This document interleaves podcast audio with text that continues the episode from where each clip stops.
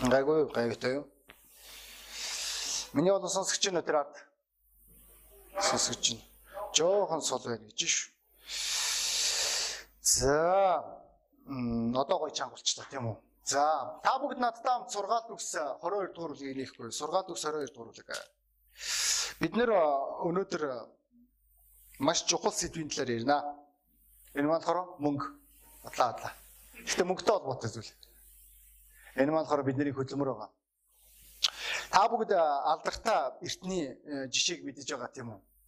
Нэг барилгачин өвгөн тэтгэврт гарах үедээ өөрийн захирлынхаа хамгийн сүүлчийн гуйлтыг биелүүлэх үедээ тэрээр маш асар хаанга асар хямдхан материалаар байшин бариад өгсөн тийм үү?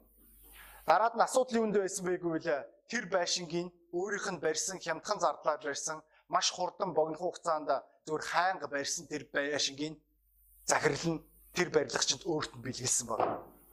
Харамсалтай зүйл нь яг юунд оршиж байгаа вэ гэвэл ихэнх хүмүүс өнөөдрийг энэ хандлаган дээр ялагд амсдаг болов уу гэж бодож байна. Сая сайн мэдээгээр явах үедээ үүнээс ч өмнө энэ номлыг би ирчүүдтэй хамт бэлдсэн. Тэгээ би ирчүүдэд хэлсэн тийм үү. Энэ номлол маань аль дээр одоо миний тархин дотор 7 хоног буцалж ийн гэдэг.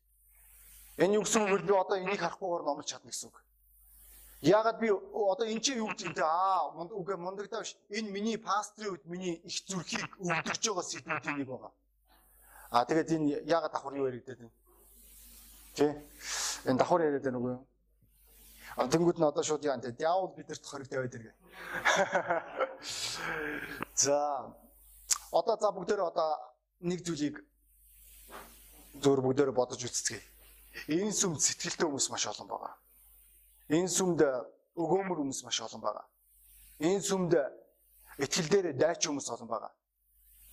Гэхдээ заримдаа гунигтай зүйл нь яг юунд оршдог вэ гэвэл тэд нэр хангалттай санхүүгийн бүсдэр ялалт байгуулаагүй бичлэх юм. Зарим гэр бүлийн хүмүүс илгээ одоо сайн мэдээгээр явахыг хүсэж байгаа. Даанч тэднэрт илүүдэ гарсан зардал байхгүй. Санхүү авахгүй. Тэгээд тэд нар мөнгөний араас үхэн хатан тэмцэж байгаа. Тэд нэр их хэмжээний мөнгийг олох хүсэж байгаа. Гэхдээ би хувьдаа пасторын үед энэ арга үйлчлэхгүй гэдэгт итгэдэг. Та өнөөдөр хамаг байдаг бүх цаг заваа зориулаад, хамаг байдаг энерги зориулаад, та 7 хоногийн 6 хоног ажиллаад, та өглөөний 8-аас эхлээд оройны 7, 8, 9, 10 хүртэл ажиллангуудаа үүний дараа та магадгүй үнэхээр та завгүй юм байжлах юм. Гэхдээ та яавч бүтээмжтэй хүн ерөөсөө биш. Өнөөдөр бидний амьдралын үндсэн зорилго бол өнөөдөр завгүй байлгах биш. Эсвэл үхэн гатан мөнгөний араас хөөцөлдөг биш. Харин энэ амьдрал дээр бүтээмжтэй байж сурах маш туйлын чухал байгаа. Тэгээ хэрвээ өнөөдөр энэ номлолоороо би одоо эхний үгээрээ та нарын анхаарлыг татаж чадсан бол та өөрийн зүрх сэтгэлээ нээн гэдэгт би найдаж байна. Тэгээ бүгдээрээ хамтдаа сургаалт өгсөн 22-ын 29 дугаар ишлэгийг бүгдээрээ харцгаая. Ажилдаа чадмаг хүнийг чи харсан уу? Хаадын өмнө тэрээр зогсон. Жирийн хүмүүс хүмүүст эс үйлчилнэ гэж хэлж байгаа. Энэ ишлэл ямар гайхалтай ишлэл вэ тийм үү?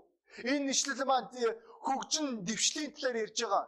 Энэ ишлэл маань тодорхой нэг үн цэнтэй байр суурьтай хүний талаар ярьж байгаа. Тэгвэл яг энэ бүх зүйлээс бидний амьдрал эхэлдэг байгаа.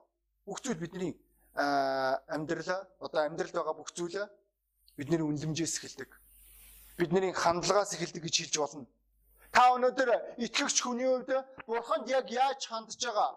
Та итгэгч хүний хувьд өөрийн гэр бүлдээ яг яаж хандж байгаа? Та итгэгч хүний хувьд та өөрийн ажил дээрээ яг яаж хандж байгаа? Та итгэгч хүний хувьд бусад хүмүүст яг яаж хандж байгаа? Та мөн итгэгч хүний хувьд өөрөө өөртөө яг яаж хандж байгаагаас бүх юм шалтгаалдаг ба. Бүх юм хандлага дээр оршдог. Заримдаа бид нэг ийм зураглыг харж болно тийм үү? Чи тэр хүнд ямар нэгэн зүйлээр туслах үед тэр хүн чамд сүрхий сайн хандж байгаа чи туслахгүй үед тэр хүн чамайг үзий ядахад бэлэн байгаа. Хүний хандлага их сонь тийм. Өнөөдөр э, би чамаас асуумаар чи итгэгч хүний хувьд чи энэ амьдралд санхүүд ялангуяа ажил дээр яг яаж ханддаг вэ? Чиний хувьд ажил гэдэг бол Адам Явагаас үрж ирсэн хараал уу? Ойлгож байгаа үстэй. Тэр хараалыг бурхан Хэрвээ та нар эхлэл номыг цаашаа унших юм бол энэ хараад цаашаа хараад байхаа болсон хэрэг олон хүмүүс энэ чинь мэдж байгаа вэ? Хэрвээ эхлэл номыг цаашаа уншиж үзэх юм бол тэр хараад байгаа болсон. Одоо та нар бодож ирсэн тийм Адамаас болоод бидний амьдралд энэ хараад үрж ирсэн. Яг тэгвэл бурхан газрыг хараас учраас үгүй шүү дээ. Тийм юм байхгүй. Цаашаага ерөөл болж хуурсан байгаа. Бүх зүйлийг нэг итгэлтэй нэгэн бүх юмыг өөрчилсөн. Өнөөдөр би өглөө номлол дээр хэлсэн тийм үү? Матай 6-гийн 21 энэ ерөөсөө зүгээр тэр чигээр хүмүүсийн цээжинд байх хэвээр ишлүүдийн нэг тийм үү? Хаана нийт баялагч мэн тэр газар чинь зүрх сэтгэл чинь байгаа. Зүрх сэтгэл байна гэдэг чинь өөрөө тэр чигээр бидний хандлага Олон хүмүүс өөрийн олиггүй ба олигтой хандлагаараа нэг бол ерөөлийг нэг болохоо хараалыг өөрсдийн амьдралд авдаг. Асуудал нь өнөөдөр иргэн тойронд байгаад байгаа юм биш. Асуудал нь захирал байгаад байгаа юм биш. Асуудал нь өнөөдөр хин нэгэнд байгаад байгаа юм биш. Асуудал нь бидний хандлага дээр оршиж байж болно. Бид нэр Библиэлд маш олон хандлагуудыг харж болно. Энд чи миний бичсэн байгаа хандлага дээр Йоиш хааныг санацгаая. Йоиш хаан тэрээр бүх зүйлд тэрээр Ядагийн үгээр явж исэн гэж Библи хэлж байгаа. Дараад нь яг өөрөө шийдвэр гаргах болох үед тэрээр дөлмөгхөн 3 удаа зогсог та бүгд мэдэж байгаа. Түүний хандлага юм байсан. Тэр хүнд найдаа сурцсан байсан байгаа. Бид нэр Библиэр Саул хааныг харж байна. Саул хааны амьдрал хандах хандлага ерөөс их сонин тийм үү? Махан биеийн зураглал сүнслэг бус хүний зураглалаар үргэлж Саул хаан тодордог. Хичнээн тэрээр иш үзүүлсэн ч гэсэн хичнээн нэгэн цагт тэрээр мундаг сүрхий байсан ч гэсэн тэгэд энэ болгоноос итгэгч хүмүүс бид нэг сургамжийг авч байгаа. Ихлэх амархан. Харин нэр хүндтэйгээр дуусгах гэдэг маань арай өөр ойлголт болж яригдчихэж байгаа. Өнөөдөр бид нэр Саулыг яаж амьдралаа дуусгасан бид бид нар бас мөн Анна Сафирийн талаар бид нэр ярьж байгаа. Анна Сафира тэд нэр хин нэгэн амжилттай, хин нэгэн нэр алдартай, хин нэгэн өгөөмөр, хин нэгэн сэтгэлтэй бүр тайлгарлын хөвгүүн гэлөө энэ нэрийг авах үед тэд нар бас мөн энэ нэрийг авахыг хүссэн байгаа даа. Тэгээд тэд нэр яг л ижлэгэн загварыг дөөрөөсөн. Даанч харамсалтай тэдний зүрх сэтгэлийн хандлага нь өөр байсан байгаа. Бас өргөл гэдэг чинь бас учиртай байх нэ. Өргөл өргөлдөө бас ялгаатай байдаг бахан. Бид нэр яг ямар байр сууриаар хандж байгаагаас бүх юм шалтгаалж байгаа. Бид нэр бас мөн Каиныг санаж болно. Каин уган бол бурханд өргөл өгж байгаа шүү дээ. Гэхдээ тэрээр өчүүхэн жоохон юм дээр үзээ ядаж эхэлж байгаа. Тийм үү? Өчүүхэн жоох юм дээр тэрээр хорсож эхэлж байгаа. Тэрээр маш амархан үзий ядалтаар дүүрж байгаа. Та тийм хүмүүсийг харж ирсэн үү? Өнөөдөр таныг хайрлаж байгаа. Өчүүхэн жоох алдаа гаргав буюу таныг үзий ядахад бэлэн байгаа. Тэгээ энэ өөрөө хайр уу? Бүгд бүгдөө бодцгоо. Бид нэр энэ амьдралд хүмүүсийн өөх хайх гэж амьдрдаггүй шүү дээ. Тэвэж? Гэхдээ заримдаа тэр хүмүүсийг харж болно. Ерөөсөө тэдний байр суурь эсэргүүцэл, шүүмжлэл оочлол цэгнэгч байрсаг. Энэ тэдний хандлага. Тэд нэр жоох юм дээр гомдоход бэлэн байдаг. Тэд нэр жоох юм дээр тэд нэр хин нэг нэг үзий ятахад бэлэн байдаг байгаа. Тэд нэр жоох юм дээр тэд нэр хорсоход бэлэн байдаг. Тэд нэр жоох юм дээр тэд нэр шүүмжлэхэд бэлэн байдаг байгаа. Энэ өөрөө тэдний хандлага. Бид нэр Лотыг санаж болно тийм үү? Лот уган бол маш мундаг хүн болох Авраамийн хажууд өрөөгдөж байгаа. Гэхдээ түүний амьдралд хандах хандлага шал өөр юм байна. Тэрээр яг цагаат болох үед тэрээр ашигын араас үйлчилсэн. Бид нэр хаамыг дурдж болохын аавда хандах хандлаган дээр тэрээр бусад хөвгүүдээс шал өөр хандж байсан. Бусад хөвгүүд нь аавынхаа тэр ойлггүй дүр төрхийг харахаас зайлсхийгээ зүрхэлэхгүй байх үед тэд нэр асар аавыгаа хүндэлж явах үед хаам тгээгүй тэр ёс суртахууны хим хэмжээс алдсан байсан байгаа. Тэрээр өөрийн үнлэмжээ алдсан байсан гэж хэлж болно. Тэрээр сүнслэг ариун байдлаа алдсан. Ийм хүмүүсийг бид нэр сүмд харж байна юм уу? Тэд нэр хиндэж хүндэтгэлтэй ханддаггүй. Баднаар бид нэр бас мөн Библиэлд Скродиудасыг санаж болох юм. Өө түүнгүү бид нэр номлолыг дуусгахгүй бах тийм үү? Тэр үргэлж жишээ болдог те. Чипой биткойн гэдэг шиг. Скродиудас 3 жил Есүстэй хамт байсан ч гэсэн хамгийн сүүлд араас нь хутга зоосон нэг юм байгаа. Амар гоц 3 жил чамд хайртай хүндэлж гин пастор минь гэж ярьж явж ийсэн аа. Гинт 30 мөнгөн зосоор худалдчихж байгаа. Хэрэг олон итгэгчнэр өөрийн пасторыгаа мөнгөөр санхугаар худалддаг бай. Би өнөөдөр энэ чи пастрын талаар ярьж шүү. Бид нэр бас мөн бид нэр Библиэлд Давидыг санаж болно. Бид нэр Йосефийг санаж болно. Бид нэр Гидеоныг санаж болно. Энэ бүх хүмүүс маань өөрсдийн амьдралдаа өөрийн хандлагаараа нэг бол ерөөлийг нэг бол хараалыг авчирсан. Тэгвэл өнөөдөр чи өөрийн хандлагаараа яг өөрийн амьдралдаа юу авчирч байгаа вэ? Чиний хандлага энэ амьдралд яг ямар вэ? Чи амьдралын хүнд нөхцөл байдал тохиолдох үед амьдралын ялалт хурж ирэх үед амьдралын амжилт хурж ирэх үед эргэн тойронд байгаа хүмүүс маань чамд сайнаар хандах үед муугаар хандах үед чиний хандлага яг ямар вэ? Чи бусад хүмүүстийг яаж ханддаг вэ? Чи ажил дээр яг яаж ханддаг вэ? Чи мөнгөнд яг яаж ханддаг вэ? Энэ болгон маань бидний амьдралыг тодорхойлох болно. Буруу хандлага буруу хандлагатай хүмүүс гэж яг ямар хүмүүс юм бэ? Бид харж байгаа бид бидний нэшил дээр ажилда чадмаг хүний ярьж байна. Тэгвэл чадмаг хүний эсрэг хүний үлээ залах уу? Ойлгомжтой. Бид нэр ямар нийгэмд амьдарч байгаа вэ гэвэл аль болох хойшоогоо суухыг хичээдэг цэрэг санаагаар дүүрэн нийгэмд амьдарч байна. Би яавал аль болох баг хөдлөх үү? Би яавал өөрөөсөө баг золиос гарах уу? Би яавал би зардал багтай байх уу? Тэгвэл Библи сургаалт үгсээр би та бүхэнд уншиж өгье. 19 дугаар бүлгийн 15 дугаар эшлэлдэр Библи хэлэхдээ залхуурал гүн нойронд автуулна лазан хүн өсхийн зовлонд өртнөө гэж Библи хэлж байгаа.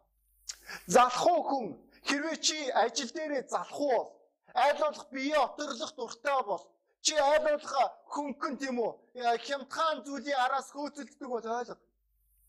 Чи өгөөгүй хоосон болох болно. Тийм учраас чи хувийн бизнестэй болж чадахгүй байгаа чи дэндүү залах учраас бид нэр дэлхий дээрх бүх амжилттай хүмүүсийг харж болно. Тэд нэр өглөөний 4 5 зэрдэг. Тэгээд оройны тэд нэр 11 12 дунддаг байгаа. Тэднэрт гар утсаа майжих цаг зав байхгүй. Бид нэр асар асар хэмжээний шаргуу хөдөлмөрлж байгаа. Сонирхолтой шүү. Би саяхан Жангмагийн талаар мэдээлэл уншсан. Би үгүй бол Жангмаг одоо ингээд тий одоо тийч аль хэдийн усцсан болов үгүй болцсон болов гэж бодож байсан чи үгүй маа. Тэр нөхөр өөрийнхөө арлаа явсан баа. Одоо хүртэл удирдаг чи тий алсын удирдлага хэвээр яваа тэр хүний нөлөөлөл.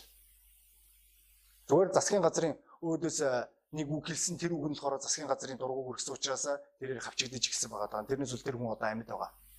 Тэрээр асар хэмжээний мөнгөтэй. Тэгээд тэр хэлж байгаа хөдөлмөрлөх амархан. Мөнгө олох амархан. Харин үр хэцүү юм байна гэж байна. Би үргэлтээр өстө би аргаа олж чадахгүй гэж байна. Тэгээд тэр асар хэмжээний дэмжлэгүүдийг янз бүрийн байгууллагууд руу байгууллагууд руу илгээж байгаа. Одоо хүртэл тэр идэвхтэй байсаар байгаа. Сонирхолтой шүү. Тэгэхээр өнөөдөр яагаад биднэрт хэцүү байгаа юм бол мөнгө олох. Сургаа сургаал үсгийн 10 26 дээр Библи хэлэхдээ залхуу хүн заран илгээгч нартаа шүдэнд орсон цуу нүдэнд орсон утаа мэт юм аа гэж хэлж байгаа. Нэг үрх юм бол таны захирал чинь за яах вэ гэр бүлийн бодож байна. За яах вэ зээл лизингтэй байгаа юм да. За яах вэ өөрхий чаавс хичээгээд байгаа. Гэтэ олигтой юм гарахгүй юм да. Ер нь дандаа байнга л өөрийнх нь асуудлыг би араас нь цэвэрлж байх юм. Ойлгож байна уу? Та залах уу? Энэ бол таны хандлага, амьдралд хандах хандлага та ерөөсөө өөрөө санаачлагаар ерөөсөө хийдгүү. Үүнтэй уялдуулан бидний түүхэн дээрх тэр нөгөө нэг талантын түүх бид нэр санаж болно тийм үү? Түүнийг эзэн хэлэхдээ залах уу, олиггүй боол гэж хэлж байгаа. Тэгвэл энэ энэ байр суурь, энэ хандлага таны амьдралд байгаа цагт та хизээч санхүүгийн эрхчлөөнд орчихгүй. Та байлэр залах уу гэсэн. Та ерөөсөө мартах хэрэгтэй. Та насаараа хар ажилчийн ивэр үлдэх болно та хувийн бизнестэй хизээч бодож чадахгүй. Наацхан та өглөө ирцэрч чадахгүй шүү дээ. Та өөрөө өөрийгөө дайчилж чадахгүй. Та өөрөө өөрийгөө зориулж чадахгүй. Үүний дараа би нэг овооны гайгүй мөнгө үгүй тийм биш дээ. Яагаад өнөөдөр эсэргээр YouTube-ийн үлгэрүүдэд итгээд байгаа юм бэ? Хизээ нэг залхуу байж байгаад гинт баяждаг байсан юм бэ. Зүгээр та нар бодоосгүй. Тийм тийм үлгэр байхгүй шүү дээ энэ амьдрал дээр. Та хаа нэгтэй тийм үү хонжуур хожоод эсвэл ямар нэг мөнгөтэй болоод гинт баяжигч болно гэж бодож байгаа юм үгүй шүү дээ. Эсвэл таны амьдарч байгаа хашаан дотор гинт алт олно гэж бодож гинөө. Бурхан таныг ивэг. Бид нэр Библиэлд Набалыг санаж болно тийм үү? Набал идэх дуртай, наргих дуртай, тоглох дуртай нэгэн байгаа. Тэр гэхдээ хөдөлмөрлөх дургүй. Бүр залхуурлаасаа болж Давид хүртэл нүгэл тунжсэн ш санаж байна уу? Тэр хаадын явах үеэр тэрээр залхуурж үлдсэн байгаа. Залхуурл найснараа бидний найз биш. Залхуурл дараагийн байр суурьлуу бидний хандлага руу авчдаг. Энэ маань хөлсний ажилчны хандлага. Энэ их гонигтай хандлага байгаа. Энэ хамгийн буруу хандлагуудын нэг. Библи хэлэхдээ эзэн Есүс Христ хөлсний ажилчид маань өөрийн сүмдэн хандах хандлага дээр итгэгч ахан дүүстэй яагаад зарим итгэгчнэр өөрөөсөө өөр хэнийг ч хайрладгүй бэ? Яагаад зарим итгэгчнэр хүмүүстэй хийгээ гэж харьцаад идгийг? Яагаад зарим итгэгчнэр хүмүүсийг хайрлаж чаддаггүй? Хүмүүсийн төлөө санаа тавьж чаддаггүй? Маш энгийн Библи бүх юмний хариулт болж байгаа.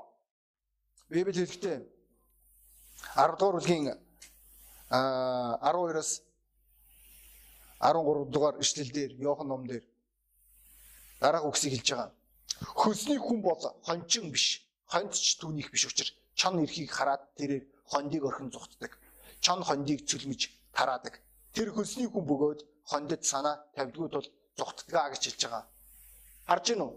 Энэ хөлсний хандлага маань аа энэ компани, энэ захирлын компани Энэ миний байгууллага ерөөсөө биш. Энэ минийх ерөөсөө биш. Энэ сүм минийх биш. Энэ бол пастор Баясгалангийнх. Тийм учраас би яасан чи ядгийг. Ойлгож байгаа үстэй. Энэ хөлсний хандлага эсвэл заавал чамд хилүүл хийдэг. Надад хилээгүй штэ. Надад юу ч яриаггүй штэ. Би хэрвээ хилүүл хийх л байсан штэ. Эсвэл та мөнгөөр хөтлөж байгаа. Оо, өглөө 6 цагаас хурж ирэхгүй бол юу нэ цалингаас гасан гинэ. Өө би 5-аас очие. Цалин юм уу? 5-аас очивол пастора би өглөө 7 цагаас залбирал дэрч чадахгүй яг бол надад мөнгө шиггүй шүү дээ. Дижээс би зүгээр сайхан унтаж жагаад ажиллая гэд мөнгө олсон надад илүү дээр. Энэ болгож байна. Энэ хөлсний ажилчны хандлага. Ийм л учраас чи олхиог амьдарч байгаа. Ийм л учраас чи өөр ширэнд амьдрах болно. Чи өөрөө санаатаагаар энэ хандлагаараа өөртөө хараалыг дуудаж байгаа. Хараал удаа нааш үрдэрээ. Хаав энэ намайг тэнд миний локейшн олох уу? Над дээр хүрээ дээр. Ийм хандлагаар яа харахгүй Каин хандж исэн. Ийм хандлагаар яа харахгүй төрсөн хүүгийн ах нь хандж исэн байгаа. Энэ хөлсний ажилчны сэтгэлгээ. Энэ боолын сэтгэлгээ гэж хэлж болно. Ийм хүмүүс ахиц дэвшил гаргадгүй юусоо Ийм хүмүүсийг ямар нэг юмд зарах үед хүртэл зүгээр нэр үнэхээр өвдөлт болдог байгаа. Та нар бодож ижлэн за би одоо сүмд бол шал өөр штэ итгэл бол өөр штэ үгүй тийм биш. Өнөөдөр та хэрвээ итгэлийн амьдралдаа өөртөө хөрөнгө оруулалт хийдэг бол та хөлсний итгэгч байхгүй юу? Та өөрөө өөрийнхөө юмд хүртэл танд даатгсан юмд хүртэл та ийм арчаагүй хандж гэсэн үг. Өршөөгөөрөө би ингэж хэлж байгаа бол Библи юу гэж хэлж байгаа Лук номын 16 дугаар бүлгээр хэн баг юмд итгэвчтэй вэ? Түүнд илүү ихийг хариуцуулна. Хэн хүний юмд итгэвчтэй вэ? Түүнд би өөрийнхөө нөгөн гэж хэлж байгаа. Тэгвэл өнөөдөр хөлсний ажилчны сэтгэлгээ нь яг юунд орж байгаагүй л оо энэ жоохон өчүүхэн би илүү их том үйлчлэл хэрэг намайг Макдоналдны үйлчлэл дээр эсвэл намайг виз судлалын багш болох юм бол би хөдлөн штэ. Эсвэл намайг манай захирал маань тэр байр суурин дээр аваачих юм бол би хөдлөн штэ. Би алхам хийх болно. Би яахаараа энэ захирлын өдөөс бүх юм хийх ёстой юм. Лээ. Бидний нэг алдартай ишлэл байгаа тийм үү? Бүх юмыг эзний төлөө хий гэж хэлж байгаа. Гэхдээ өнөөдөр та хэрвээ эзэнтэй харилцаатай биш бол та яаж эзний төлөө хийх? Би заримдаа ингээ телеграмаар би бичиж байгаа тийм 72 хүнд бичиж байгаа. Телеграмаар. За манайха өдрийн мэнд өнөөдрийн өдрийг эзний төлөө хөдөлмөрлөөрэй гэж бичиж байгаа. Би тэгээ зарай бодож байгаа. Энэ 72 хүний хідэн ойлгож байгаа бол энэ ишлийг. 72-ийн магадгүй 60 нь ерөөсө бурхантай харилцаагүй болно шүү дээ. Бүгдтэй харилцаатай. Өөрийгөө шүтцэн, мэдэрсэн тий. Би мэдэрч ийн өнөөдөр их муухай өдөр болох нь. Тэ? Йоо, ядаргаа. Дахиад нэг хайт өдөр үү? Хөдөлмөрлөх юм уу? Сурах юм уу? Йоо. Нөө солонгос нэг хараад байдаг шүү дээ Солонгосч аа гэдэг юм биш кинонд аа гэдэг юм. Боож өгөх гэдэг юм шиг. Өнөөдөр найз нь ойлгох хэрэгтэй. Ийм хандлагаар хүсний ажилчны сэтгэлгээгээр хүсний ажлын ажилчны итгэлээр чи хизээч ажил дээрээ ахис дэвшил гарахгүй. Чи хувийн би яагаад одоо хүртэл чи хувийн бизнесгүй байгааг мэдгүй байна. Яг үл чи хүсний ажилч байхгүй. Тийм учраас бурхан чамд өгөхгүй. Яг үл чамайг сүрүүлж яах юм? Чи бизнес эрхлэлийн тулд их хэмжээний өр зээл тавих хэрэг гарна шүү дээ. Яг үл чи хэрвээ суур мөнгөгүй бол а тэгсэн чи чи тэр мөнгийг авж байгаа нэг хэсэг баруун зүүнгүү цацж байгаа тийм Бис тэр нөгөө 50 саяын байраа покер төгсөн гайхалтай энэ дарханд таарлцсан байгаа. Тэр нөхөр од зохицолбрын англи хэлний багш болж таарсан инженер шивэстэй байгааг. Тэгээд тэр тэр өдөрт эхний өдрөө цуглаандаа суугуудаа оройд нь шавуудаад алуулсан. Архитад. Манай итгэгч нарын нэг маань түүнээс нэг дүлхүүр авах гэж юу авах гэж очсон чи шал сохт барьж байгаа. Саяхан 30 минутын өмнө ирүүлсэн нөхөр шүү дээ. Учиргүй бурхан мурхны талаар ярьдсан. Тэгээ тэр нөхөр болохоор 50 саяараа Улаанбаатарт покертчоод ээжтэй 600 мянган үнэртээ бас аваад авчихсан гэж байна. Тор дөрөв билэгтэй. Яад би байраа покертцсан.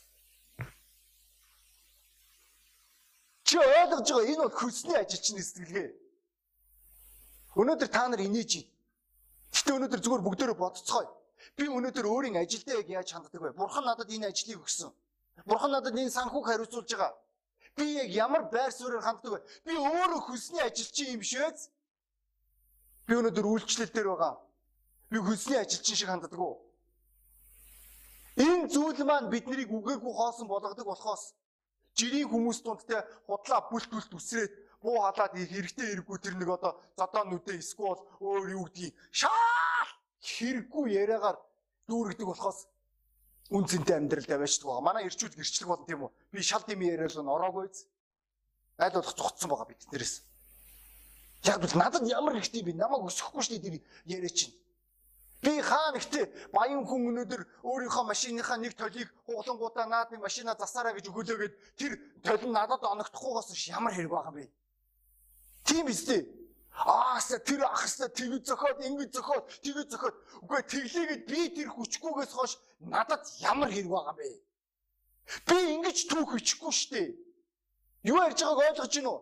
Би юм хөлсний ажилчны юм байр суурьаар бусдыг гайхширчтэй манай ирчүүд нэг өчтөр уу те?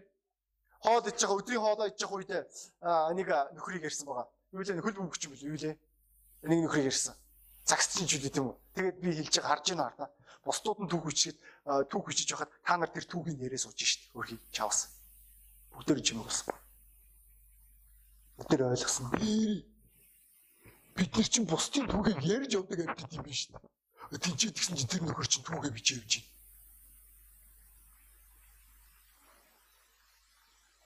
Өнөөдөр зөв хандлага нь яг юунд оршиж байгаа вэ? Библиэлд нэг ойлголт бий. Нервын хандлага. Тийм ээ? Нерв хүний хандлага. Энэ хандлага маш чухал зөв хандлага гэдгийг та бүгд мэдж байгаа. Энэ маань яа харахгүй маргаангүй баг юмд итгэмжтэй хүний хандлага. Энэ маань яа харахгүй хүний юмд итгэмжтэй хүний хандлага байгаа. Энэ хүн маань бурхантай харилцаа харилцаа, бусад хүмүүстэй харилцаа харилцаа, мөнгөнд хандах хандлага, гэр бүлдээ хандах хандлаган дээр тэрээр хүлсний ажилчин биш. Тэрээр нервын байр суурьаар хандаг. Нерв гэж чи юм бэ? Эзэн биш. Энэ гэр бүлийг бурхан надад өгсөн. Энэ гэр бүл минийх биш. Сэн сонсогч байна Энэ ихнэр минийх биш. Сонь сонсогч гинөө. Энэ хүүхдүүд минийх биш. Надад даалгасан ойлгож гинөө бурхан. Энэ гэр бүлийг. Энэ эмэгтэйг, энэ эрэгтэйг. Тэгэд би нервын хувьд би итгэмжтэй байх хэрэгтэй. Ажил дээр бурхан надад энэ ажлыг өгсөн. Тэгэхээр би нервын хувьд энэ миний ажил биш шүү дээ. Би хүний юмд итгэмжтэй байх хэрэгтэй. Мөнгө бурхан надад өгсөн байгаа. Өнөөдөр энэ газар итгэгчнэр байна уу? Сонсч байна намайг. Бурхан надад өгсөн. Тийм учраас би энэ мөнгөн дээр итгэмжтэй байх болно. Та нар санаж байна уу? А Матай номын 24 дугаар бүлэгт итгэмжтэй боодын талаар ярьж байгаа. Библи хэлэхдээ эзэн түнд илүү гүгнэ гэж хэлж байгаа. Матай номын 25 дугаар бүлэг, Лук номын 19 дугаар бүлэг дээр нөгөө 5 таланттай, 2 таланттай, 1 таланттай мината тэр хүмүүсийн талаар дурдж байгаа. Энэ бүх түүхүүд дээр эзэн дандаа тэднэрт илүүг өгж байгаа. Байгаагаас нь илүүг өгж байгаа. Яг яагаад ийм зүйл болж байгаа юм бэ? Бидний бурхан бол өгөөмөр бурхан ойлгож гин үү? бурханд алт мөнгө ойлоо байгаа. Тэрээр чамайг хангалттай, өрөөх чадaltaй. Даанч асуудлыг юунд оршиж байгааг бол чиний хөлсний хандлага чинь өнөөдөр бүх юмыг балалж байгаа. Бүх юмыг устгаж байгаа. Өнөөдөр э, бид нэр өөрсдийн амьдралдаа яаж хэрэглэх вэ? Маш энгийн. Бид нэр ажилдаа, гэр бүлдээ бид нэр өөрсдийн итгэлийн амьдралдаа бид нэр санхүүдээр, үйлчлэлдээ, нэрвийн байр суурьээр илүү сайжруулах ёстой. Та өөрийн ажил дээр шилдэг нь бол хэрвээ шилдэг нь болохгүй зүгээр л нэгтэй салааны зэрэг байх юм бол та хизээч хувь илүү амьдрахгүй. Харж байна уу? Ажилдаа чадам хүний талаар бид нэр энэ яриад байна. Тэрнээс зүгээр нэг ажил хийдэг хүний талаар яриа бай. Энэ нь юу гэсэн үг энгийн ажилчнаас илүү чадвартай ажилчин гэсэн үг. Ийм хүмүүсийг хүмүүс удирдлагын дээр тавьдаг. Тэрнээс бол өнөөдөр таны хажууд одоо жишээлбэл Зүгээр нэг наацхан замаас хийдэг хүн байж болно. Та шилдэг хийх ёстой. Тэгжиж та бусдаас ялгарна. Та өөр доногдож байгаа ажлаа шилдэг дээд төвшин 100 150%-аар биелүүлэх тэрэл цагт танаа таны захирлчин таныг ажиглана шүү дээ. Тэрнээс өмнө хичнээн гоншигноод нэмэр байхгүй. Өнөөдөр энэ чи янз бүрийн мэрэгжил боловсралтай хүмүүс байгаа. Өнөөдөр та тэр бүстэй шилдэг нь бол чадсан уу? Та өөрийгөө хэр дайчилж байгаа вэ? Та яг юу сурсан бэ? Та юу чадчих? Энэ маш чухал байгаа. Тэрнээс зүгээр нэг би мэрэгжилтэй боловсралтай гэдэг би бакалавртай гэдэг өнөөдөр салааны зэрэг багч утгагүй шүү дээ. Та өөрийгөө 100% зориулах хэрэгтэй бол энэ бүс дээр. Энэ үед бид нэр ажил ажилсаг чадмаг хүмүүсийн байр суурийг харж байгаа. Энэ үед бурхан тэр хүмүүст хувь тавилан илүү өгдөг үүнд гомдоод ах юм байхгүй. Жишээлбэл Голбастер. Голбастер яагаад одоо олон улсын номлогч болсон юм бэ? Би санаж штэ 2007 онд анх Голбастер хурж ирж исэн манай Монголд тийм үү? Тэгэхэд одооний Голбастер байгаагүй штэ. Санаж байна тэр тэр үеийн итгэгч нэрээ. Нэг туранхаа одоо бүр надаас туранхаа гэж хэлэхээр одоо болцсон байна би. Тэгэд тий зохиод онгачвал зохигч иргүү хийсэг үлээчгэд хийсэж унахаар маш туранхаа Тэгэл нэг тийм нэг өөрийнхөө бурханд амар сүрхий итгэцэн нүрдээ итгэцэн гэж ярихаар баг хүнлэнгээс харах юм бол тэгэл ерөөсө яриад байгаа юмд итгэдэг байхгүй тэр хүн. Тэгээд бүр ингээд зарим болохгүй байгаа. Тэгсэн ч гэсэн болно гэдээ яриад байгаа. Тийм л хүн байсан шүү дээ. Хоо хүнлэнгээс харах юм бол хоосон мөрөөдөгч юм шиг. Гэхдээ өнөөдөр Голбастер өөрийн үйлчлэлтэй чадмаг нэг болсон шүү дээ. Тийм л учраас түүнийг Америкт сая хардаа конференцээр хүн 7 хоноод хурж ирдэг бол пастор сар явчаад хурж ирлээ шүү дээ. Яагаад гэсэн? Яг бол хаасаагүй тэр сэргэлтийн номлол явуулсан учраас. Америкчууд тэгж байгаа. За, голф нэг мэс үрж ирж байгаа юм чи газ. Тийш тийш тийш тийш тийш тийш тийш. Захиалахтаа. Тэгээ хамгийн сүүлд нь Румыныг дайрж урж ирсэн гэж бод та нар. Солиор л биш үү? Аа. Ингийн тулд асар чадмаг байх хэрэгтэй. Тэрээс зүгээр нэг библи судлал бэлддэг биш. Зүгээр нэг номлол бэлддэг биш. Зүгээр нэг одоо өөрийнхөө оногцсон ажлаа хийдэг биш. Энэ зүйл биднэрт дутж байгаа учраас харж байна. Та өөрийн итгэлийн амьдралдаа сэтгэл гаргадаг бол та итгэлийн амьдралдаа өнөөдөр сэтгэл гаргадаг бол та өөрийнхөө итгэлийн сүнслэг дэг журамдаа сэтгэл гаргадаг бол одоо хогч нэх нь одоо хайшин. Гэхдээ заяагүй гэх нь одоо хайшин. Харамсалтай байна. Яг тэгвэл харалда та нар өөрсдөө би нэг зүйлийг 17 жилийн хугацаанд ойлгож ин юу гэдэг юм бэ? Сүмд та яг яаж хандна? Амьдралд та яг тэгж ханддаг. Амен. Би бүр ийм тод шиг ярьж чадна. Сүмд одоо шавьчлын бүстэй надтай асуудалтай байгаа нэгэн нийгэмд гараад ажил дээр тэр л асуудлаа гаргадаг. Ерөөс илүү дутуу юуж байдгүй. Өнөөдөр тэгвэл та өөрийн сүмдээ яаж ханддаг вэ? Та өөрийн бурхандаа яг яаж ханддаг вэ? Та өөрийн итгэлдээ яг яаж ханддаг вэ? Та өөрийн эхнэрдээ яг яаж ханддаг вэ? Та өөрийн ажилдаа яг яаж ханддаг вэ? Энэ маань таны амьдралыг тэр чигээр нь тодорхойлно. Бидний нэшлэл дээр гайхалтай амлалт байгаа тийм үү? Ажилдаа чадмаг нэгэн зүгээр нэг ажлыг ажлын төлөө хийдэг нэгэн биш. Ажлын цагаа хурдхан шиг алах гэж хийдэг нэгэн биш тэр бүс дээр чадмаг нэг юм. Нэг 100000 цагийн хуулийг та нар мэднэ тий. Зөв. Манай итгэгч нар маань тийшээ богоноор явж байхад бид нэр тооцоо хийсэн тийм үү?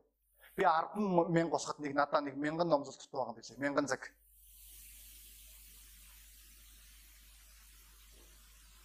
Тэгээд чи үүний дараа ойлгож байгаа.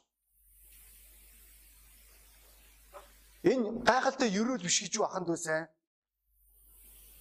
Би одоо итгэлийн амьдралаар 17 жил амьдарч байна. Энэ газар үүнээс жил олон жил итгэлийн амьдралаар амьдарч байгаа хүмүүс байгаа. Та нар нэг юмдаа тууштай байж чаддаг юм биш үү? Тэгвэл үүндээ илүү өөрийгөө дайрчилцгаана. Амен. Тэгэд энэ газар огон болгоно.